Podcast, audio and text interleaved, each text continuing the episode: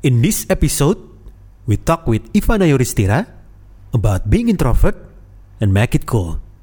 We talk about tailoring services, playing with time, and everything in between. Welcome to Humalji Pots.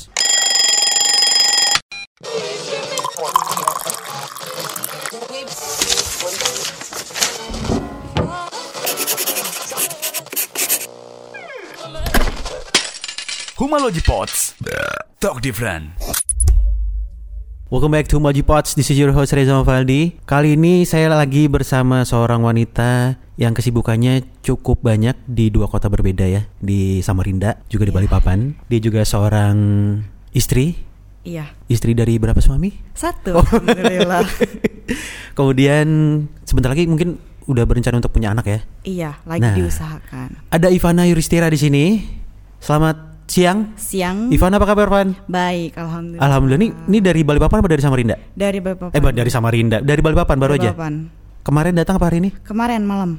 Kemarin malam ya. Sampai, Oke, before we talk everything about Ivana Yuristira, let people know who you are ya. Who is Ivana Yuristira and what kind of business you doing right now? Em, Ivana Yuristira itu perempuan biasa, sama Hmm. seperti perempuan-perempuan lainnya. Hmm. Cuman sekarang lagi megang dua bisnis. Oh. Satu di pakaian, satu di kuliner. Hmm. Begitu. Jadi masih dua sih. Dua bisnis berbeda ya. Satunya ya. satunya di ber- eh, bergerak di Kuliner, Kuliner. yang satu di pakaian, fashion sih. Oke. Ya. Untuk yang fashion ya, untuk yang fashion itu berarti eh, berkaitan dengan menjahit nih sepertinya nih ya. Iya, jahit penjahit. Oke, bisa dijelasin sedikit nggak sih untuk em, lebih lebih eh, memperkenalkan untuk bisnis Ivana sekarang yang dijahit ini Ah, udah bergerak di eh, sorry eh, dari kapan? dari bentar ya, sekitar dua tahun lebih baru. Dua tahun lebih ya. Ya, Namanya apa? studio jahit. Studio Jahit. Iya, studio jahit ID kalau Instagramnya. Oh Instagramnya Studio Jahit. Oh, Oke Iya, oke. benar. Kemudian untuk eh, yang F&B makanan? Kalau yang makanan kita di Holy Grill. Instagramnya Holy Grill Balikpapan. Oh ini Korean barbecue grill Korean ya. barbecue. Oke, itu base-nya di Samarinda juga ada. Di Samarinda sebenarnya sih megang kakakku. Heeh. Jadi yang di Balikpapan itu punyaku. Gitu. Oh, jadi di- kita berbagi, Oke. tapi dengan cita rasa yang sama.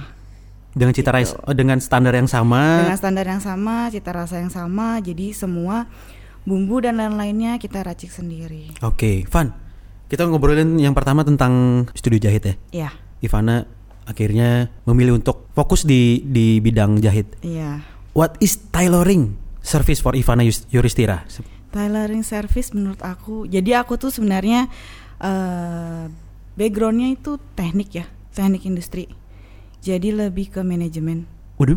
Ya, Oke. nggak nyambung ya. Oke, terus terus. Tapi sebenarnya menurut aku tuh nyambung banget karena aku di situ cuman mengelola. Oh. Jadi waktu pas memutuskan untuk merit, menikah, Mhm. aku harus cari punya satu kegiatan lah yang menyibukkan. Karena aku bukan tipikal yang kerja di kantor. Oh, nggak bisa Udah diam. udah pernah kerja di kantor, menyenangkan tapi kayaknya kurang buat aku nggak gitu. But Ivana is introvert person. Sebenarnya introvert Iya, benar. tapi nggak bisa juga di belakang meja gitu ya. Nggak bisa juga, karena Oh. sebenarnya kan kalau pekerjaan di kantor harus tim dong. Oke. Profesionalnya kan tim. Oke. Sedangkan aku lebih suka mengandalkan diriku sendiri. Hmm. Kekurangannya di situ. Oke. Tapi bisa diubah jadi kelebihan sih sebenarnya. Jadi sekarang Ivana memutuskan pertama kali untuk terjun di bidang tailoring ya Mm-mm, atau karena menjahit karena hobi. hobi. Ya, dulu aku suka bikin bajuku sendiri. Sebenarnya lebih ke pengen bikin ini dulunya ya. Mm-mm. Ada nama studio jahit itu sebenarnya lebih universal sih, gede. Impiannya pengen ke pabrik pabrik kain ya. Mm-mm. Jadi lebih mau ke industri ke sana. Mm-mm. Jadi aku pengen ngebangun kayak eh, kayak di Bali Mm-mm. suka ada kayak interior dari bahan kain, Mhm. segala macam kain, Mhm. segala macam percetakan dan Mhm. pewarnaan. Mm-mm. Terus? Aku pengennya begitu. Mm-mm. Ternyata teman-teman aku mencoba untuk menjahit dan Mhm. karena mereka satu selera sama aku dan ternyata cocok, Mhm. akhirnya ke sinilah ke gaun perempuan. Ke gaun perempuan. iya. Oke, bener. berarti sebelum dua tahun ini Ivana udah bisa ngejahit sendiri ya? Udah hobinya ngejahit Iya udah. bisa. Itu dimulai dari kapan, Pan? Dari aku SMA. SMA sebenarnya aku tuh lebih suka bikin kayak tas, Heeh. terus kayak eh, pop up. Oke. Mm-mm. Dari mulai mencoba itu sampai akhirnya diseriusin sampai sekarang. ya? Iya, aku lebih suka bikin-bikin begitu sebenarnya. Main Hmm. di kayu, main di jadi tukang lah. Di kayu. Iya benar, di Oh. kayu. Terus eh, kayunya dicampur dengan kain, Hmm. dicampur dengan bambu dan lain-lain. Hmm, hmm, hmm. Lebih ke kerajinan tangan sebenarnya. Lebih ke art kamu sendiri iya ya. benar. Terus Ivana akhirnya em, desain itu di dua tahun yang lalu. Mm-mm. Akhirnya benar-benar yang mau fokus ya. Iya, akhirnya aku kursus sih sebenarnya. Ah, mak- pada saat itu pertama kali kursus di kota Samarinda sendiri Di dengan Samarinda aja. Oh, oke. Nggak harus nggak harus di luar kota di Enggak, Jawa jadi aku ngambil sebagainya. ilmu dasarnya, basicnya apa Hmm. sih gitu. Karena kan memang fokusku bukan ke baju perempuan ya, Hmm, dan tidak untuk tailoring service yang benar-benar menservis hmm, mereka bikin baju dari A sampai Z, enggak. hmm, hmm, hmm. Jadi aku ngambil basicnya aja, yang Mhm. penting aku bisa jahit. Aku pengen bikin semacam gorden, sarung bantal, Hmm, yang gaun. simple, iya, simple. Tapi ternyata ending-endingnya akhirnya ke gaun dan itu semua belajarnya sih dari YouTube. By YouTube, tutorial Ya, semua. uh-uh. Yang basicnya aku memang belajar kursus, tapi setelah itu aku tinggal Heeh. selanjutnya dari YouTube semua. Van, em, di saat kamu mencoba untuk menjahit itu ya, Mm-mm. itu teman-teman di sekitar kamu juga ada yang support itu nggak sih? Ada, Ada ya? pasti, iya. Cuman memang ada beberapa kayak Yang satu, vi- yang satu ide, yang satu hobi yang juga satu ada ide ya? pasti mensupport. Mm-mm. Kalau yang beberapa sih, maksudnya teman-teman aku kuliah sih, lebih tepatnya. Mm-mm. Itu ngeliat aku memang rada aneh sih pola pikirnya. Mm-mm. Karena kan dia lihat kan, eh, aku bisa dibilang berada. Mm-mm. Tapi kenapa tidak mau untuk menjalankan sesuatu yang startnya dari dari dari tengah lah? Mm-mm. Kenapa harus dari bawah gitu? Oke. Maksudnya Jadi- dari tengah dan dari bawah gimana nih bisa di Kalau dari tengah kan ibaratnya kita ada spesifik ya. manpowernya dari orang Oke. tua nih ya kan. Oke. Tapi aku nggak mau pakai itu. Mm-mm. Aku maunya dari bawah dan mereka kayak Hmm. aneh aja loh ngapain lu belajar jahit gitu. Hmm. Kan masih banyak yang Bisa kamu, dilakukan. Iya, bisa kamu kembangin dan lain-lain gitu. Tapi aku tetap hobi dulu sih satu supaya ngerjainnya ke depannya fun aja. Oh gitu. Berarti em, Ivana saat ini ngejahit 2 tahun memilih untuk fokus di gaun apa karena memang marketnya di Samarinda adalah hanya itu? Kebetulan sih demandnya yang masuk itu terus ya. Tidak Jadi- pernah mencoba something different. Ada, cuman biasa selingan. Kalau Hmm. misalnya follow studio jahit, pasti aku suka jualan kayak setiap minggu. Mm-mm. Entah aku jualan apa itu. Dan Random. biasanya itu random. Dan itu biasanya mood aku mau pengen apa minggu ini. Contohnya Van? Biasanya aku kayak jualan jilbab. Itu aku random aja. Heeh. Karena suka cari kain. Heeh. Bukan aku juga yang jahitin sih. Aku cuman kayak nyari siapa yang bisa bikinin, Mm-mm. bisa laserkan apa segala itu dijual lagi. Hmm. Terus aku bikin eh, baju, baju itu juga baju-bajunya yang rada-rada aneh sih memang. Tapi bisa diterima sama masyarakat ya? Sebagian banyak aja sih yang suka. Makanya aku sempat mikir sih mungkin kalau misalnya tipe-tipe aku kalau di Jakarta masih kejual kali ya. Ya karena di luar- mungkin marketnya di sana udah banyak gitu, demandnya Iya. juga banyak. Karena di Samarinda kan tipe-tipenya mungkin lebih yang lebih wow, mau yang simple gitu. Hmm. Tapi ternyata di Samarinda banyak juga sih. Di Balikpapan juga. Di Balikpapan lebih mungkin orang-orang yang lebih urban kali ya. Jadi lebih urban ya. stylenya ya Berbeda bisa- dengan di Samarinda Iya, ya? benar. Oke, ketika pertama kali mencoba menjahit itu Van, Hmm. Ivana itu udah langsung bikin studio, langsung bikin studio dan akhirnya buka bisnis atau Ivana pelan-pelan dulu tuh dari kursus kemudian apa di rumah dulu atau gimana? Pelan-pelan. Oh, Karena prinsip aku dari awal memang dari uang aku sendiri. wih keren Gitu. Van, keren keren keren keren. Nggak usah ini ya, nggak nggak peduli Ivana mau backup orang tua masih ada, tapi Ivana merasa yakin bahwa semua itu adalah proses. Benar. proses dari nol Ivana belajar uh, sendiri sampai akhirnya settle di saat ini ya untuk Oh. menjual eh sorry untuk memproduksi uh, studio jahit studio jahit, Jahit. ID Iya benar. Kalau Oke. settle sih masih belum, Belum. masih jauh ya. ah masa sih Iya masih jauh. semoga akan settle Amin, nantinya ya Amin. Van um, satu pertanyaan lagi nih Van how to start a tailoring service in Samarinda and Balikpapan Sorry ulang. gimana eh, kamu cara memulai di dua kota yang berbeda Ah. ini ya di dua kota di dua kota yang berbeda di Samarinda dan juga Balikpapan Apakah kamu memulai di Balikpapan dari nol juga atau sudah dari Samarinda kemudian kamu salurkan di Balikpapan seperti itu? Sebenarnya sebenarnya Mm-mm. posisinya Ivana ini sebenarnya ada di Balikpapan.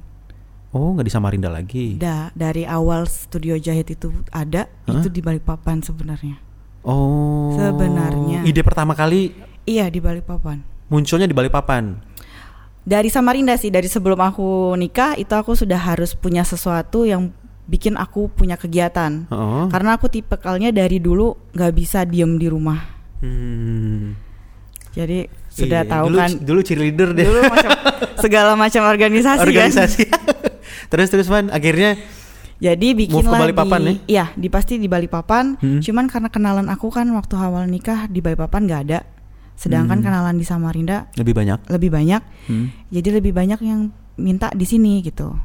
Cuman Hmm. posisi awal nikah kan masih kuat bolak-balik bolak-balik. Hmm. Jadi masih bisa handle Oh iya. Eh suami orang Balikpapan ya orang Balikpapan. dan jalanin usaha yang sama juga tapi berbeda brand ya. iya benar. Oke. Apa Masih di eh, fokusnya Tailoring yang juga? sama sama iya. Dia lebih konveksi sih. ke konveksi? Apa Iya. salah jeans ya? Jeans dia. Oh, berbeda dikit lah. Tapi Berbeda masih sama dikit. juga jahit Masih sama. Oke, Van. Untuk em, fashion ya, Mm-mm. kita sempat eh, diskusi tadi. Ivana sempat mention juga bahwa Balikpapan itu orangnya agak urban dikit. Iya. Nah, berarti ada perbedaan nih ya. Iya benar. Nah, untuk Ivana, menurut Ivana sekarang ini apa yang Ivan menurut Ivana fashion Samarinda sama Balikpapan itu gimana? Sebenarnya sih kalau dibilang berani, berani orang Samarinda. Maksudnya berani gimana? Berani dalam banyak hal, banyak faktor. Berani dalam eh, harga, Oke. price-nya oke, Mhm. mereka berani Mm-mm. bergaya sesuai yang beda banget, itu Mhm. mereka juga berani. Mhm. Sebenarnya sih. Mm-mm. Cuman karena saat eh, orang Samarinda ini gimana ya? Kalau kalau aku bilang itu satu dilihat bagus, cantik, Mm-mm. pokoknya all package lah. Mm-mm. Itu jadi panutan mereka semua. Kalau Balikpapan? Kalau Balikpapan dia punya punya style sendiri masing-masing. Ya lo gitu, ya udah, gua gini gitu. nggak akan ngikutin gitu maksudnya? Enggak. Oh. Gitu. Perbedaan Balikpapan sama Samarinda seperti itu ya? Iya, mungkin karena orang Balikpapan banyak pendatang kali ya. Ah. Jadi mereka lebih ya udah, lo lo gua gua gitu. Oke. Bodoh amat. Kalau pernah ngerasain nih, ya, jadi kalau misalnya aku jalan-jalan gitu ke ke mall gitu kan, Mm-mm. entah itu di BSB atau di mana BC Balikpapan apa center ya. Iya. Em, emang berbeda sih apa eh, fashionnya mereka. Kayak pernah sih aku ngeliat tuh satu cowok gitu kan yang setelan pakai jas, Iya. terus bawahannya celananya yang apa yang agak-agak Eh, agak cingkrang. sih. cingkrang-cingkrang Ah, ah. dikit gitu kan, ya kan pakai ngantung. Yoi, pakai sepatu pantofel coklat yang kinclong gitu, rambutnya eh, Perlente banget perlen- pokoknya. Iya banget. Di Balikpapan eh, agak sedikit ada yang seperti itu gitu loh. Iya. Dan itu mereka pede gitu. Memang Pede karena sih. faktor pendatang juga banyak pendatang ya. Iya banyak pendatang Dan mereka. itu yang mungkin jadi ah udahlah, ini style-style aku Iya. gitu loh. Apa urusanmu gitu kan. Mm-mm. Walaupun em, aku di sini mungkin nggak nggak terlalu banyak dikenal orang gitu. Aku udah pede menggunakan ini sebenarnya. Iya begitu. Tapi sebenarnya Van, kalau kalau uh, Ivana sebagai tailoring tapi menjadi fashion stylist juga gak sih sebenarnya Van? Eh, aku sih awalnya kan masih belajar ya. Hmm. Jadi memang itu adalah hal yang aku kasih plus buat mereka. Hmm. Bedanya kalau misalnya biasa kan kalau kita kan belajarnya apa sih bedanya bisnis kamu sama si dia gitu. Kan sama-sama aja. Mm-mm. Toh kamu juga baru mulai, dia Hmm. udah puluhan tahun dong. Kalau kamu ngelawan dia Iya. gimana caranya dong kan gitu. Oke. Ya itu. Komunikasi satu, Hmm. aku kasih servis Mm-mm. Langsung ketemu sama aku konsultasi apa aja Hmm. gitu. Tapi nyangkut, Nyangkut semua nih. nyangkut semua. Tapi kebanyakan nih ini uh, sampai sekarang yang wedding-wedding itu kali ya. Wedding aku udah ngurangin sih. Kenapa? Karena ya itu tadi eh, balik lagi mengusahakan pengen punya baby, Heeh. jadi mengurangin wedding. Hmm. Karena kalau wedding tuh gimana ya, kita harus Hmm. Sebagai jasa, servis jasa, mau nggak mau harus benar-benar menurunkan ego. Mau dikomplain sekeras apa pun, mau sebenarnya nggak salah tapi disalah-salahin, kita harus iya. Itu wedding karena kan mereka tekanannya banyak tuh kiri kanan kiri kanan. Hmm. Belum lagi Revisi-revisi. Ah, ah, belum lagi si pengantinnya kan pasti ada dari mamahnya, dari neneknya, dari apanya. Kalau baju kan mereka paling kritikal banget sudah itu. Hmm. Jadi aku harus sebagai yang punya jasa ya mau nggak mau harus menenangkan terus menerus. Dan akhirnya Nah idealis- itu yang Hah? sebenarnya agak take time sih Oh. gitu. Kalau- bikin bajunya sih kan ada tim, Heeh. jadi masih bisa lah. Cuman masalah paling oh ini dirubah se- sedikit sedikit sedikit gini nggak masalah. Cuman Hmm. komunikasi sama mereka aja. Menurut aku itu rada bikin menguras tenaga sih dan pikiran. Karena kita jadinya harus memahami Apa yang mereka maunya- mau? Iya, maunya apa dulu gitu. Terus gimana nanti ininya kalau ada perubahan apa yang sebenarnya pengennya kayak gimana sih si nenek si mama digabungin jadi satu supaya semuanya happy. Oke, Ka- tapi agak pusing itu. tapi selama ini Ivana menurunkan idealismenya atau mencoba untuk mengedukasi mereka. Ini loh kalau kalau misalnya Mm-mm. baiknya tuh seperti ini loh, Bu, Pak, Nek, Ma. iya, pasti ku edukasi. Selalu. Tidak harus menurunkan kualitas Ivana Oh, sendiri ya. enggak. Selalu ku edukasi.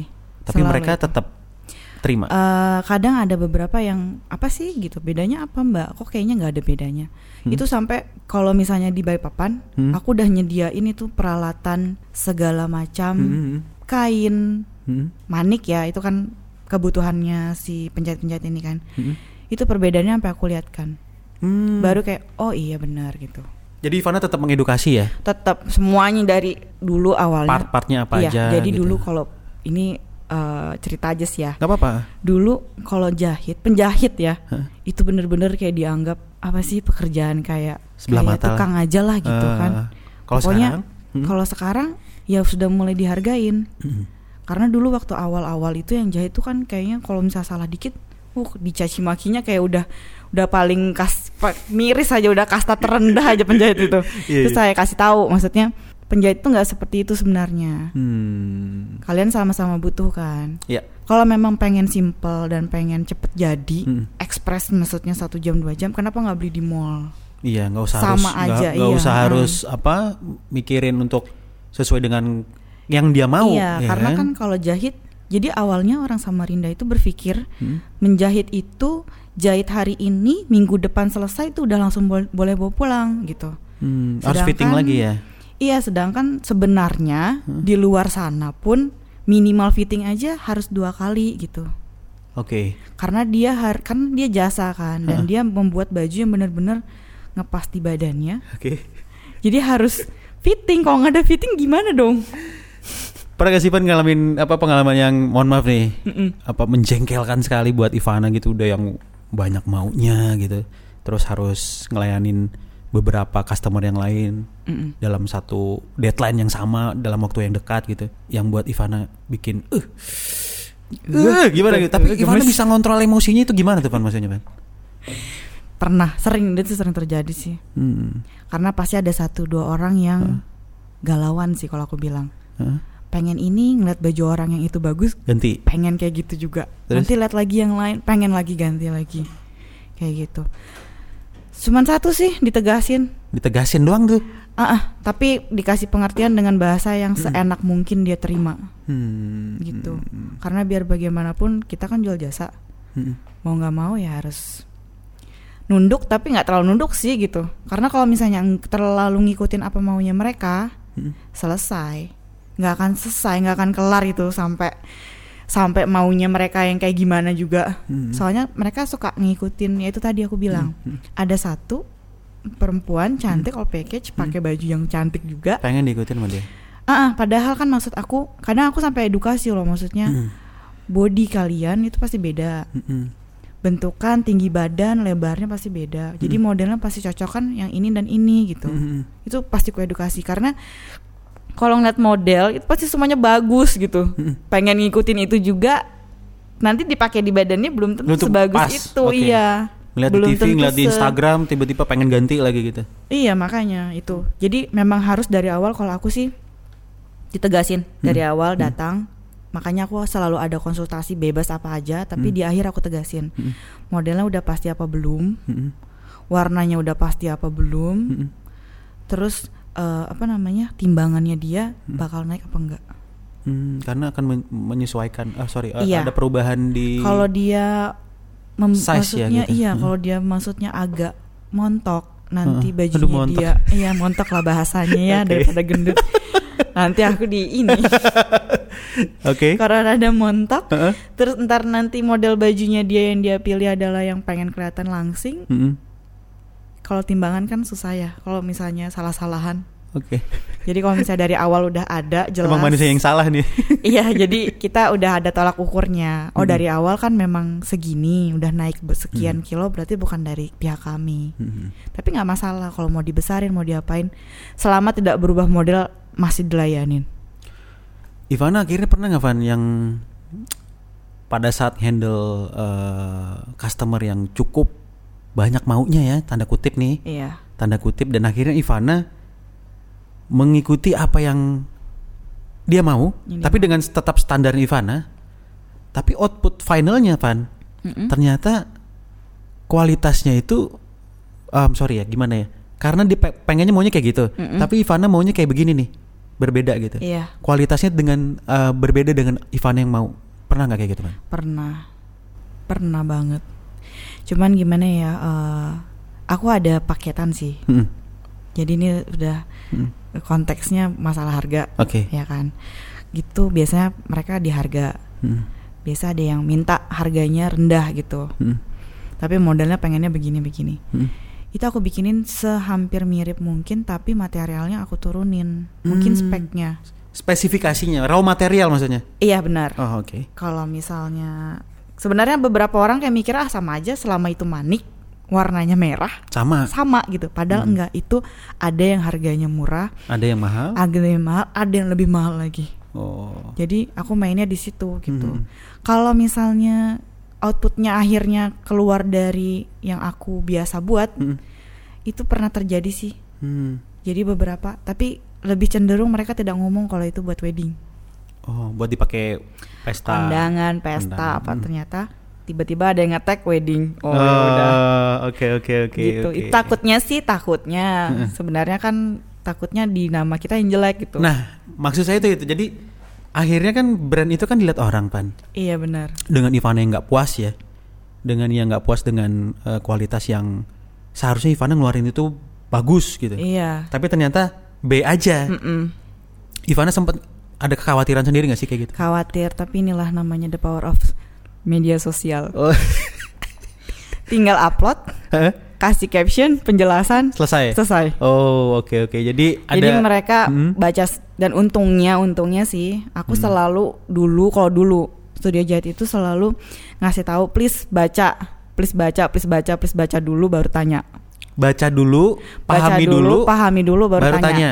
Itu dulu story aku setahun yang lalu kayaknya. Hmm. Terus-terusan begitu. Hmm. Karena aku pengen mereka baca dulu. Hmm. Oh, begini begini begini baru nanya, baru komplain, baru kritik, baru bla bla bla baru julid. Itu hal biasa kayak jadi sosial media ya. Iya gitu. Jadi akhirnya sekarang apa pun itu aku tinggal tulis eh, ngupload di feed, Hmm. captionnya aku jelasin, Selesai. selesai. Mereka paham. Oh ternyata memang konsep weddingnya seperti ini simple, permintaannya juga ternyata simple apa segala. Tapi aku tidak menyudutkan klien aku Hmm. dengan bilang mereka tidak ngomong kalau itu memang buat wedding. Jadi aku bilangnya memang kesepakatan di awal Adalah weddingnya un- konsepnya oh, seperti itu gitu. Oke. Van, em, kalau boleh tahu nih, Mm-mm. Ivana punya standar sendiri untuk menyelesaikan satu project itu, misalnya gaun gitu. Itu berapa lama, Van? Sebenarnya sih mut-mutan ya, karena Oh. mungkin ini sudah kelemahannya kalau misalnya bisnis pakai hobi, Ah, oke. iya kan? Nggak Jadi uh-uh. kalau ada moodnya Baru dikerjain. cepat, kalau nggak ada moodnya ya lambat. Lambat. Oh, tapi biasanya berapa? Berapa? Misalnya satu gaun itu satu kalau bulan. satu gaun wedding itu satu bulan Hmm, paling lama, Nggak sampai berbulan-bulan ya. enggak? Tapi juga ada kan yang mau nikahnya tahun depan contohnya gitu dari tahun ini Ada. udah udah nge- Iya. coba konsultasi sama Ivana gitu. Konsolnya ya aku ladenin terus, tapi kalau Heeh. untuk bikin baju aku bilang nanti aja deh, Mm. soalnya dia pasti akan diet. Oh, untuk Daripada- menyes- menyesuaikan Iya standarnya. daripada bikin dua kali, aku bilang dan Heeh, mending diet aja lagi. dulu. Heeh. diet aja dulu sampai maksimal Mhm. baru datang ke sini lagi. Mhm. Van, em, saat ini nih dengan semua proses yang Ivana lalui ya Mm-mm. dari tadi itu em, Ivana sempat mention betapa banyaknya maunya Iya. customer, Bener. terus kemudian revisi bla bla bla, harus menyesuaikan standarnya Ivana menurunkan idealisme kemudian juga em, tetap mengedukasi mereka ya Mm-mm, dengan harus. dengan dengan maunya mereka tapi Ivana punya standar sendiri di edukasi nah itu kan cukup sulit Van ya Iya. cukup sulit sekali gitu loh Em, siapa orang yang support dan menolong Ivana di dalam hal itu Semuanya sih, keluarga aku, Mm-mm. suami aku, Mm-mm. ya teman-teman aku juga. Mm-mm. Teman aku tuh sebenarnya pedes loh kritikannya. Mm-mm. Kadang eh, bukan kadang sih memang selalu. Mm-mm. Kadang aku bikin baju, Mm-mm. cobain deh gitu. Mm-mm. Tuh udah dari A sampai Z. Oh kalau Detail. di sini, kalau di sini nggak kayak gini nih. Ini kalau kayak gini nggak begini nih. Ini masih begini laku gini gini gini gitu. Mm. di sini maksudnya di mana di kota lain apa? Iya di kota lain, di Jakarta, Mm-mm. di Semarang, di Jogja, Surabaya Surabaya, gitu. Tapi aku suka yang begitu. Mm-mm. Jadi aku tahu di mana salahnya. Oke, lebih baik dikritik pedas iya, benar. daripada oh, cuma Walaupun sebenarnya ya sebenarnya, kalau mau bohong jual di sini enak banget. Hmm, Mereka nggak terlalu mikirin ke situ. kualitas Benar. Oh. Yang penting mereka cantik, bak princess udah selesai dah. selesai. Tapi sebenarnya aku maunya mereka paham, jadi nggak dibodoi gitu. Hmm, berarti berarti Ivana em, sebenarnya sudah berpikir bahwa sebenarnya kalau kita membohongin customer tuh bisa-bisa aja ya tapi Bisa-bisa aja. bisa aja lah dengan bisa aja ngakalin segala-galanya tuh iya bisa aja. dengan dengan eh, kapasitas mereka yang kurang tahu kualitas Benar. raw material kemudian teknik menjahit dan lain sebagainya ya. Mm-mm. Tapi Ivana tetap berada di rules. Aku nggak bisa seperti itu. nggak bisa soalnya memang gimana ya aku seneng sih sebenarnya ngobrol sama cewek-cewek jadi aku tuh sebenarnya suka lihat baju cantik Hmm, cewek feminim Hmm. suka lihat cewek pakai baju pink tuh cantik gitu hmm. tapi aku pribadi nggak suka aku lebih tipikal kalau cari baju sukanya lebih ke keren Hmm. aku pengen dilihat keren gitu daripada Hmm. dilihat ca- dilihat cantik, cantik. Nah, jadi bikin baju pun aku mempercantik mereka Hmm. tapi kalau aku sendiri nggak gitu bukan tipe aku tapi aku seneng dandanin orang Hmm. Nah, mulai ngedandanin orang itu sebenarnya dari SMP sih. Udah mulai suka ngedandanin ah, ya. iya, dari teman-temanku sendiri, teman-teman Oke. geng aku sendiri. Oke oke. Lanjut lagi ke permasalahan-permasalahan yang em, Ivana sudah laluin ya. Mm-mm, What is your biggest problem mm-mm. from doing this business? Permasalahan yang paling menurut Ivana ini paling berat banget nih dalam menjalani bisnis itu apa sebenarnya? Waktu sih, Hmm. waktu banget itu. Jadi gimana ya? Kan mulainya ketika setelah menikah nih. Mm-mm. Jadi bukan bujang yang free- Bebas. Iya, free as a bird. Young, Udah lagi udah. udah dalam udah dalam sangkarnya nih. Iya. Jadi emang waktu sih. Kalau misalnya awal-awal Hmm.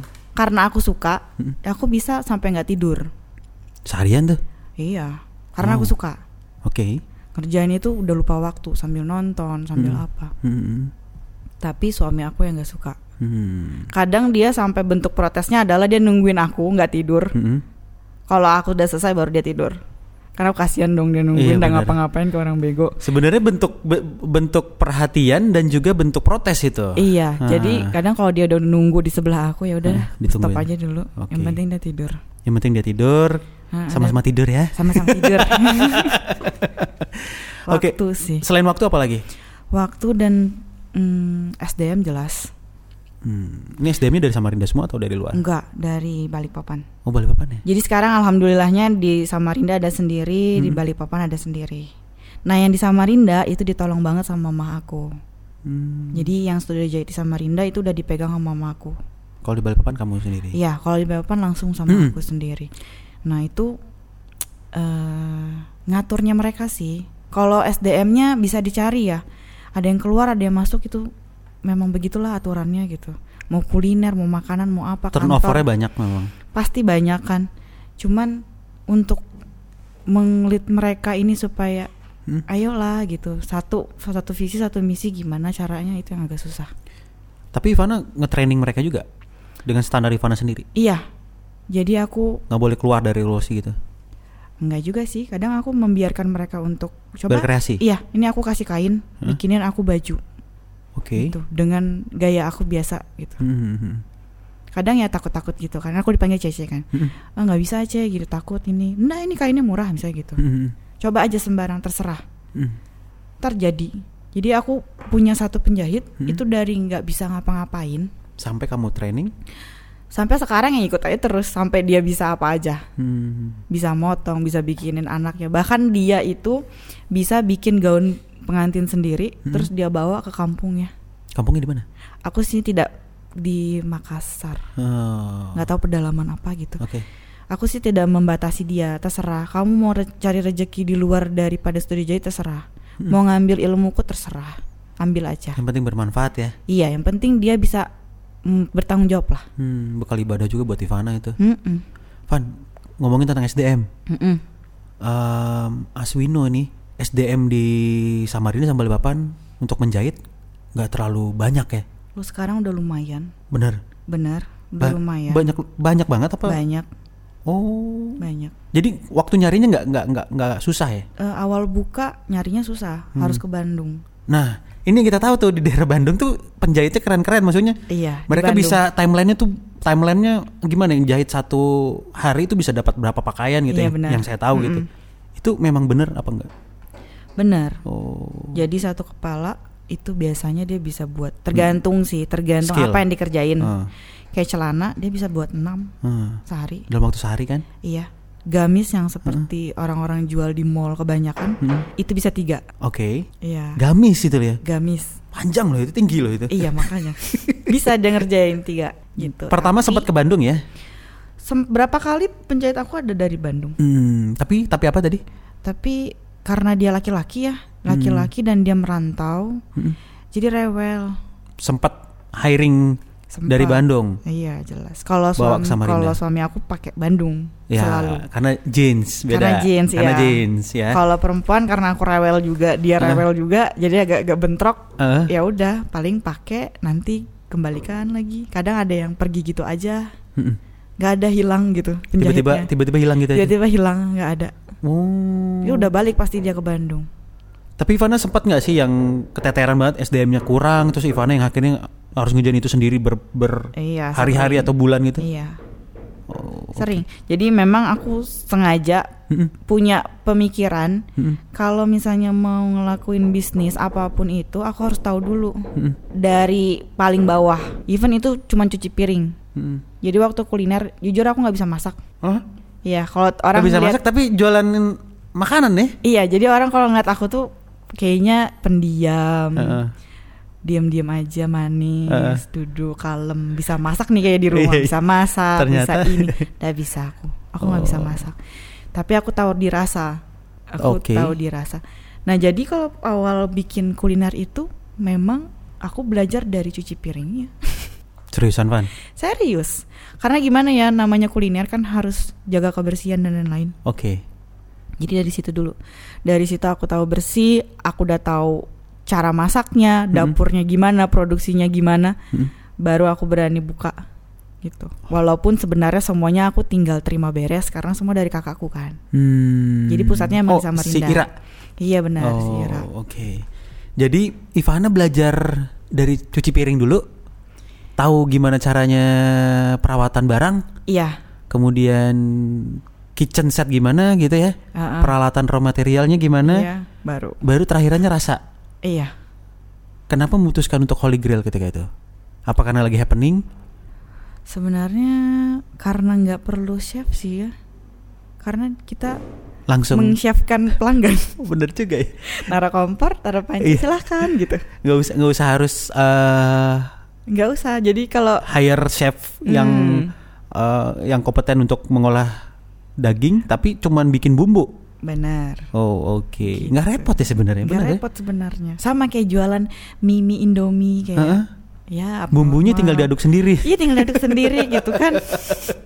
Oke oke. Tinggal disajikan. Hmm, Van, pernah nggak sih Van di saat Ivana melakukan dua hal ini nih, dua hal bisnis yang berbeda ya, Eh, jahit, Mm-mm. sama dia Balikpapan, ngurusin karyawan yang banyak, SDM yang banyak gitu, kemudian harus berjibaku dengan customer-customer yang karakteristiknya berbeda-beda. Mm-mm. Pernah nggak sih Van yang ngalamin kayak, aduh capek banget nih, kayaknya pengen nyerah aja gitu, pernah nggak sih? Pernah. Apa yang kamu rasain waktu itu Van? Pengen berhenti aja pokoknya. Oke. Udahlah gitu. Heeh. Masih bisa kok tanpa ada mereka-mereka itu gitu. Mereka-mereka maksudnya? Maksudnya bisnis-bisnis itu. Oh gitu beneran? Iya. Udah yang udah udah Soalnya kan sebenarnya kalau dipikir-pikir titik jenuh kan, banget ya? Heeh. Ya, titik jenuh banget. Sebenarnya sih ini bukan nyombong ya maksudnya Mm. dari eh, dari suami kan pasti ada Mm-mm. untuk aku bulanan gitu Mm-mm. terus sebenarnya kalau dipikir-pikir ngapain sih nyari bisnis sampai segitunya orang kan ngelihatnya kan gigi banget sih kerja Iya. cari duit gitu apa yang dikejar gitu kan tapi sebenarnya yang aku kejar itu hidup enaknya sih di umur 35 aku pengen ongkang-ongkang kaki aja Hmm, duitnya ngalir terus income gitu. ya? iya bener tapi ngebuatnya ngerangkanya dari sekarang Apa yang membuat Ivana terus Jadinya- termotivasi itu pan? Iya, jadi akhirnya maksudnya, tapi kalau misalnya untungnya semua Hmm. ini dibuat dari nol. Kalau misalnya itu misal aku buat dari kayak misalnya franchise Mm-mm. atau aku ngelanjutin usaha teman aku atau Hmm. apa atau apa, Mm-mm. mungkin chance untuk aku bilang udah aku berhenti, udah ambil aja. Itu lebih besar. Lebih kali. besar ya? Iya. Karena, Karena proses ada yang dilalui itu nggak ada perjuangan. Benar, nggak ada prosesnya, terus nggak ada memorinya ke belakang-belakang. Oh, iya, dulu aku begini begini begini, sayang banget kalau misalnya diberhenti. Ditinggalin. Iya betul. Oke, itu yang menjadi alasan Ivana paling kuat ya untuk move move forward iya terus ya. benar. Kalau kita Harus. tinggalin, udah dari Sayang banget nih udah kayak ngeba udah kayak ngedidik anak, membesarin anak, anaknya Hmm. sudah bisa jalan, Mm-mm. masa ditinggal padahal tinggal di sekolahin udah pinter dia gitu. Oh gitu ya. Kan enak kan gitu. Mm. Cuman memang sih ngebangunnya dan kanan kiri pasti ada lah yang namanya juga hidup ya. Jadi si A, si B, si C pasti ada komentar janganlah terlalu begitu gitu. Apa sih yang dikejar Hmm. sampai seharian di luar rumah apa segala ini itu. Capeknya di situ. Ditambah capek kerjaan, ditambah capek deadline, akhirnya pengennya udah berhenti aja, munyak. gitu. Munyaknya langsung keluar. Itu udah yang benar-benar jenuh banget ya Van. Iya, jenuh. Tapi pernah gak sih waktu di jenuh gitu, tiba-tiba Ivana tuh yang malas ngeliat, jangankan ngeliat kain, ngeliat benang aja malas gitu. Pernah gak sih Van? Enggak sih. Cuman gini, aku sih punya prinsip ya eh, sebanyak-banyaknya duit kalau kita nggak bisa nikmati gimana? Eh, iya benar Iya kan? juga ya. Jadi kalau misalnya aku jenuh, Mm-mm. udah cari tempat Hmm. mau ke mana. Sebenarnya nggak yang ya? fancy banget sih. Aku lebih tipikal orang yang suka ke pantai, Mm-mm. camping lebih pengennya Hmm. gitu. Nggak ke gunung juga sih. Orang-orang kan ke gunung kan capek tuh. Pernah nyoba cuma capek banget. Lebih pengennya tuh piknik gitu. Enak sih. Cuman kadang-kadang kalau misalnya penat banget, jadi aku punya kebiasaan kalau lagi jenuh. Jadi Hmm. dulu aku banyak kegiatan sih, sampai Hmm. kuliah juga masih ada kegiatan. Kalau lagi jenuh lagi jenuh banget itu, terus nggak ada mau cerita gimana juga nggak bisa ceritakan. Mm-mm. Itu aku lebih suka ke mall. Ke mall nggak ngapa-ngapain, duduk aja Sendirian tuh. sendirian. Ivana kuliahnya di mana waktu itu, Pan? Jogja. Sendirian doang tuh deh. Sendirian, aku lebih sering jalan sendirian. Hmm. Kalau dulu di Jogja Introvertnya aku- keluar banget ya. Iya, Hmm. keluar aku ke mall sendiri atau ke Malioboro sendiri, ke pasar-pasar sendiri. Udah Hmm. duduk aja di situ. Mm-mm. Yang aku liatin tuh orang-orang aja. Mm-mm. Kadang ada yang eh, jualan, Mm-mm. Terus ada yang udah tua lah, ada Hmm. yang gimana, ada gimana. Nah, itu jadi aku kayak mikirnya, oh, masih jauh sih perjalanan. Kalau nyerah sekarang Nyerah sekarang lucu. kayaknya nggak lucu aja Iya, ya. lucu ini Iya, kayaknya. iya, iya. Jadi ya udah gitu. Van, eh kalau boleh tahu nih Van, Ivana Yuristira atau CC itu ada adalah dua pribadi yang berbeda atau tetap menjadi satu Van? Tetap jadi satu. Atau mungkin ada sisi CC yang berbeda? Ivana berbeda. Ivana tuh Ivana sendiri apa gitu, CC beda gitu. Enggak, tetap tetap jadi satu. Cuman mungkin berbedanya di depan suamiku aja kali. Kalau di depan suami kenapa? Mungkin aku bisa lebih rada manja. Kalau di depan Oh. orang aku nggak bisa. Harus Aku yang manjain kalian. gitu. berbeda Van ya? Iya beda dong. Berarti kalau kalau jadi CC, Kalau jadi Cece kalian kumanjain. kalau jadi Ivana Kalau jadi Ivana mungkin aku kamu yang menje-menje. Yang manja-manja. menje sama suami tapi. Van, what's next for Ivana Yuristira? Pengennya banyak sih. Banyak banget. Hmm. Karena ngeliat orang, karena kebiasaan ngeliat orang itu sih. Jadi kayak, wah dia ngerjain ini ada ya gitu. Hmm. Seru ya, ada ya masukannya gede ya gitu.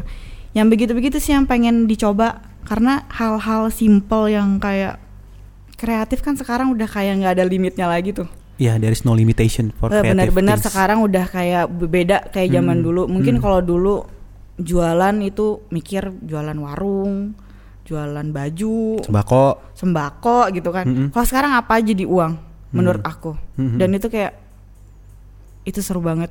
Hmm. Harus diulik seulik-uliknya. Gitu. Jadi kalau misalnya ke depannya banyak sih yang pengen aku iniin. Tapi lebih spesifik, Lebih spesifik aku pengen di fashion sih memang. tetap di fashion ya. Dapat di fashion tapi aku pengen ke interior. Tetap mainnya nih kalau kliennya di fashion apa sorry di tailoring yang dirombak pakaiannya ya. Tapi kalau Iya. ini di, interior. Interior. Oh. Jadi sekarang kan banyak banget tuh Mm. entah bahannya yang dimain-mainin, Mm. entah konsepnya. Jadi mereka Mm. punya signature masing-masing gitu. Mm. Aku pengen punya satu brand interior Hmm. yang nggak kalah serunya lah kayak Hmm. di Bali, kayak di Hmm. Jakarta. Kan kan kayak seru-seru banget yang art banget Hmm. gitu. Rumah itu kan maksudnya pasti akan dihias terus Mm. dan sama lah kayak baju kan ya, nggak akan berhenti berhenti. Jadi ngasah otak terus, pengennya apa sih yang baru, apa yang baru, apa yang baru gitu. Tidak ada kekhawatiran dengan culture-nya Samarinda yang art itu tidak terlalu dipentingkan. Hmm, nggak ada sih. Perlahan mereka akan paham. Apalagi kalau kita terus edukasi. Hmm. pasti mau nggak mau mereka akan oh ya benar juga ya oh ya coba lihat deh gitu dan untungnya sekarang itu ada sosial media sih jadi mereka untuk mencari tahu gampang banget aku tinggal rekomendasiin coba deh lihat instagramnya si A Mm-mm. coba lihat ins- instagramnya si B Mm-mm. si C si D Mm-mm. itu udah aku tinggal ntar dua hari tiga hari mereka datang dengan iya ya kak gini gini gini gini gini gini Ya, sama udah Mm. jadi aku edukasinya sekarang gampang Ngomongin tentang edukasi, Ivana selama ini di studio jahit juga terus mengedukasi. Terus percaya apa enggak Mm-mm. followers Studio Jahit itu kebanyakan bikin usaha jahit-jahitan. Setelah Enggak, jadi nggak tahu. Jadi memang follower aku itu Mm. mereka terang-terangan nge-DM aku, "Kak, Mm. itu bahannya apa sih? Mm. Kak, itu caranya gimana sih?" Aku terang-terangan juga ngasih tahu hmm, gitu. Jadi kadang kayak teman aku, "Van, itu loh ada baru buka di sini di sini."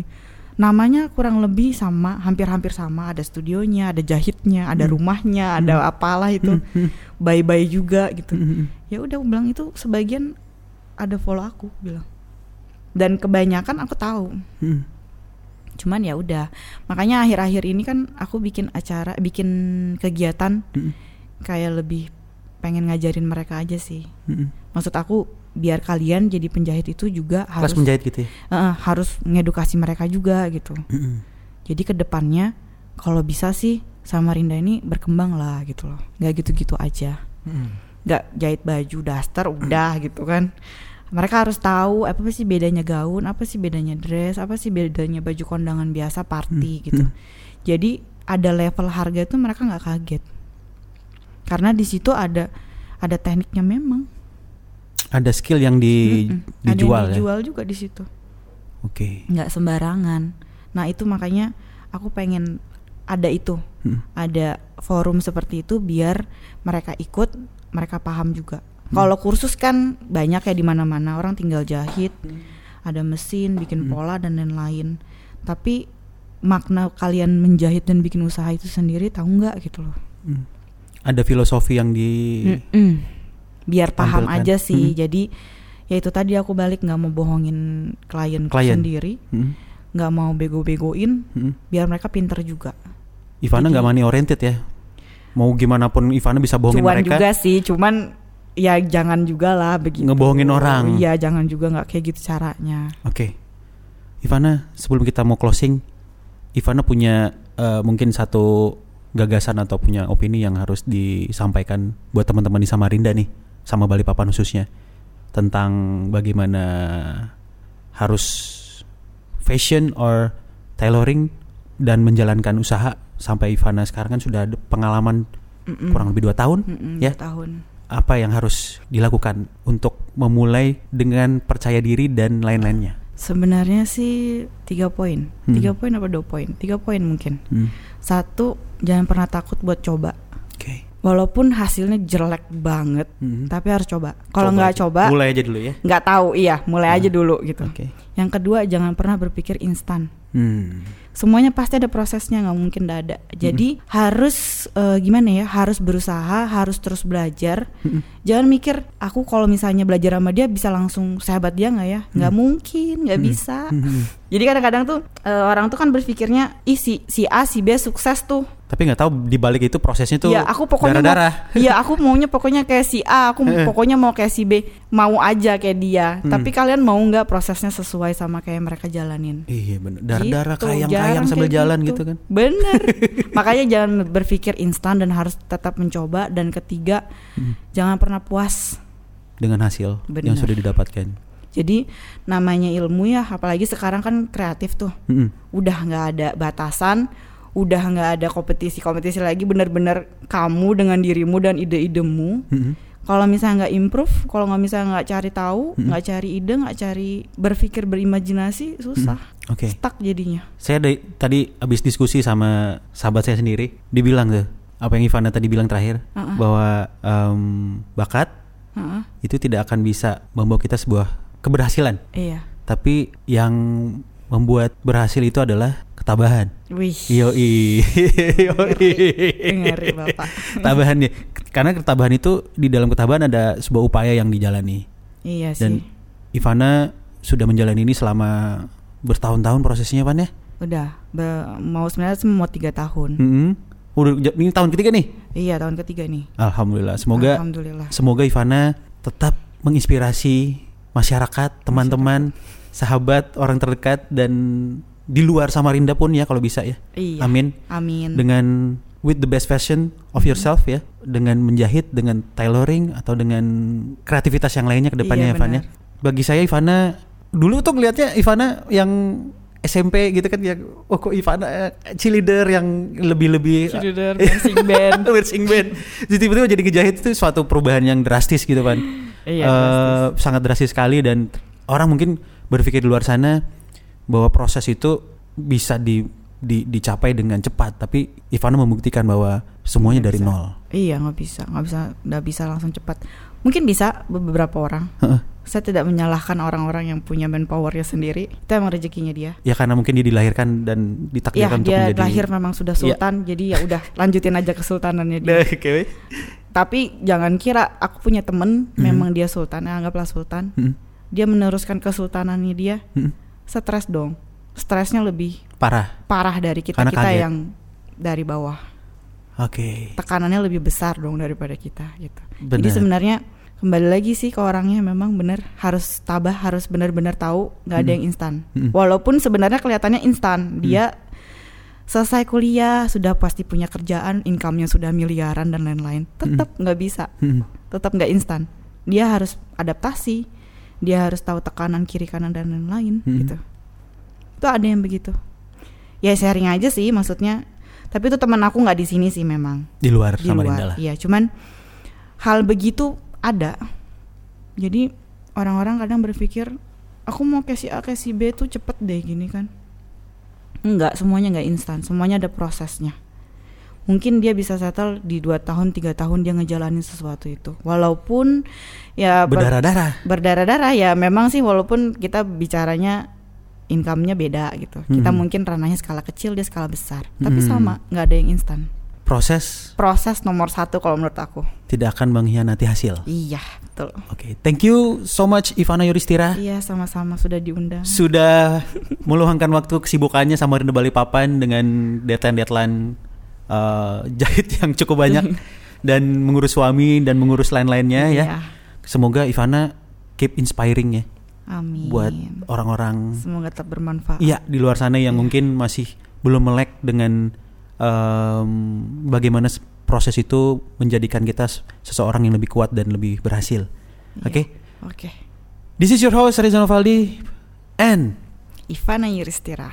pamit undur diri. Do what you love, love what you do, do with passion or not at all. Thank you. Thank you.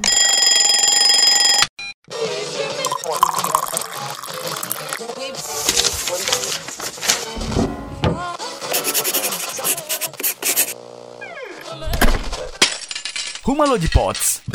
Talk different.